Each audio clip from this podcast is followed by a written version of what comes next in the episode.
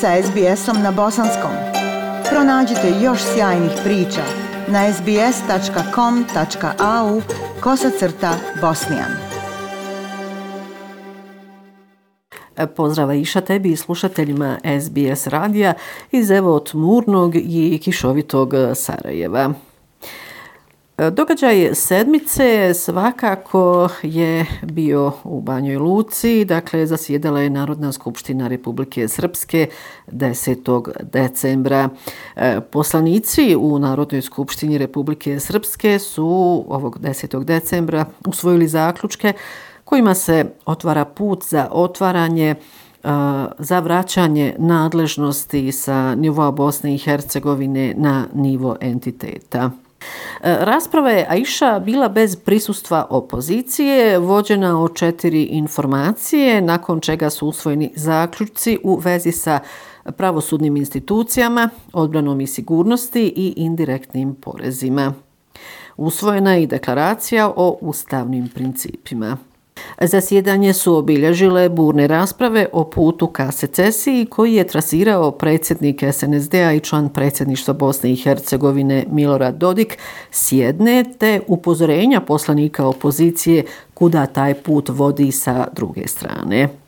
Pa Aisha Milorad Dodik je imao svoje obraćanje i ovom prilikom je kazao kako očekuje da se svi nacrti zakona pripreme do kraja ove godine.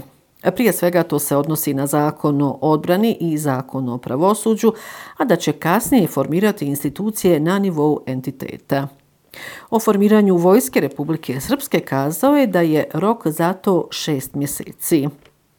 U svom uvodnom obraćanju na sjednici Narodne skupštine Milorad Dodik je kazao da Bosna i Hercegovina ide u pravcu na koji E, Republika Srpska nije pristala i da postoji opasnost da će se Bosna i Hercegovina raspasti, a da će Republika Srpska krenuti ka izlazu. Evo poslušajte dio iz obraćanja Milorada Dodika. Nisam srpski izolacionista, ne želim bolji aranžman samo za Republiku Srpsku, želim bolji aranžman i za Bosnu i Hercegovinu. Moj princip je da se mora omogućiti vraćanja ovlaštenja entitetima, a ne samo njihovo oduzimanje. Dajte da iskoristimo ovaj trenutak da detaljno utvrdimo šta Bosna i Hercegovina treba da radi.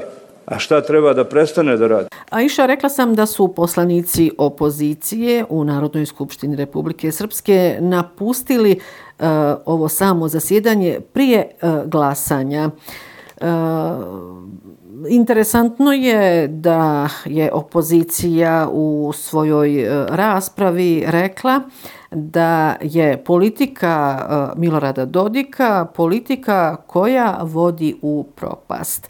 Evo poslušajte lidera SDS-a Mirka Šarovića. Ja želim potpuno jasno da kažem način na koji se ovo predlaže je rekao bi direktno ugrožavanje mira i uvođenje Republike Srpske u opasnu spiralu sukoba sa mogućnošću izbijanja rata. Nekako na istom fonu sa Šarovićem bio i predsjednik PDP-a Branislav Borenović. Evo i njegove izjave. Zato mislim da je ovo krajnje neiskreno, krajnje licemjerno, ali sigurno i opasno za Republiku Srpsku. Odmah nakon što je Narodna skupština Republike Srpske okončala svoje zasjedanje, uslijedile su brojne reakcije od političara iz Federacije Bosne i Hercegovine, E, nekako e, ono što je zapravo u tim njihovim reakcijama jeste da je Narodna skupština Republike Srpske napustila Dayton, zatim da e, je upravo ovim činom Narodna skupština Republike Srpske rušila ustavni poredak Bosne i Hercegovine, te da Milorad Dodik govori jezikom sile.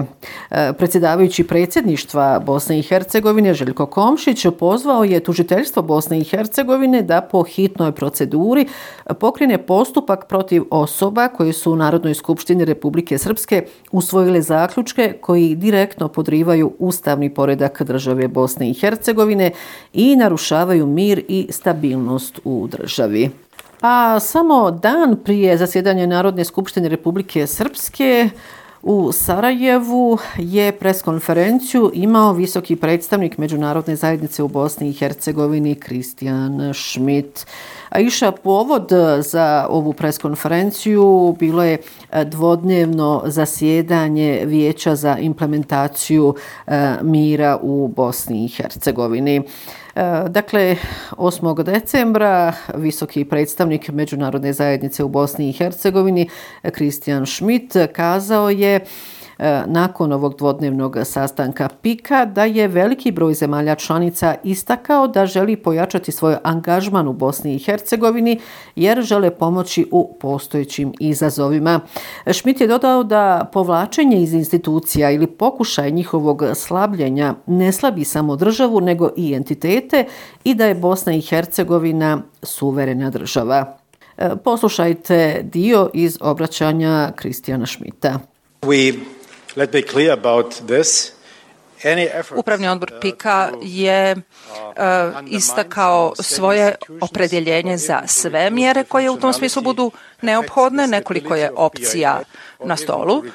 Mi smo izričito uh, istakli uvjetovanje finansijske podrške kao i sankcije. Na ovoj preskonferenciji Iša visoki predstavnik je kazao da su članovi PIKA razgovarali i o 14 prioriteta oko kojih treba mnogo raditi. E, između ostalog kazao je da e, je izborni zakon jedan od tih prioriteta. E, presuda Sejdić Finci treba biti implementirana. Zatim eh, je govorio o sankcijama, ali je istakao da se o njima ne priča. Umjesto toga eh, kazao je da je korupcija ta koja potkopava institucije i oduzima budućnost mladim ljudima u Bosni i Hercegovini. 6. decembra zasjedala je Skupština kantona Sarajevo i tom prilikom Skupština i vlada kantona Sarajevo su zaključili kako insistiraju na tome da kantonalno tužiteljstvo Sarajevo i pravosuđe bez odlaganja i bezuvjetno provedu istragu i procesuiraju sve vinovnike tragedije koja je e, nedavno zadesila porodicu Gađun. O tome sam izvještavala u jednom od prethodnih javljanja iz glavnog grada e, Bosne i Hercegovine godine. Riječ je o dvojipogodočnoj djevojčici koja je nakon e, intervencije u jednoj privatnoj klinici podlegla. E, na ovoj skupštini kantona Sarajevo e, je između ostalog e, data inicijativa koja se odnosi na to da skupština i vlada kantona Sarajevo pokrenu sve mehanizme i u skladu sa procedurama pristupe izradi reformskog zakona iz oblasti zdravstva koji bi morao definisati stroge kriterije i standarde prilikom registriranja zdravstvenih ustanova, a posebno da budu precizirane odredbe zakona u segmentu segmentu nadzora i odgovornosti u svim zdravstvenim ustanovama. E, također je jednoglasno usvojena inicijativa da se organizuje tematska sjednica u što kraćem roku upravo o stanju u zdravstvenom sektoru u kantonu Sarajevo. I evo za kraj Aisha još dvije informacije. Sud Bosne i Hercegovine potvrdio je 8. decembra optužnicu protiv Selme Cikotića, aktuelnog ministra sigurnosti Bosne i Hercegovine, koja ga tereti za zloupotrebu položaja i prema kojoj je u period od 2009. do 2011. godine, kada je obnašao funkciju državnog ministra odbrane, oštetio budžet Bosne i Hercegovine za iznos od oko e, 9,7 miliona konvertibilnih maraka. To je potvrđeno iz tužiteljstva Bosne i Hercegovine. Fuad Kasumović, gradonačelnik Zerice, branit će se sa slobode. To je odluka tužiteljstva Zeničko-Dobojskog kantona. On je 10. decembra pušten iz pritvora koji mu je bio određen prije dvije sedmice.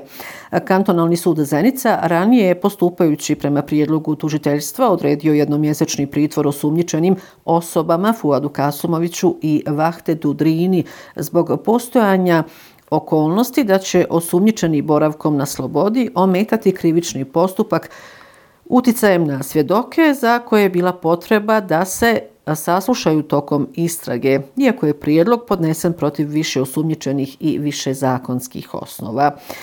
Podsjetiću Kasumović i Drina, koji je bio predsjednik nadzornog odbora javnog komunalnog preduzeća Zenica Transprevoz putnika uhapšeni su 1. decembra u akciji Državne agencije za istrage i zaštitu e, kodnog imena Zenica Trans. I eto iša toliko ovoga puta iz glavnog grada Bosne i Hercegovine. Još jednom vam lijepe pozdrave i Sarajeva šalje Semra Duranović-Koso. Like, share, comment. Pratite SBS Bosnian na Facebooku.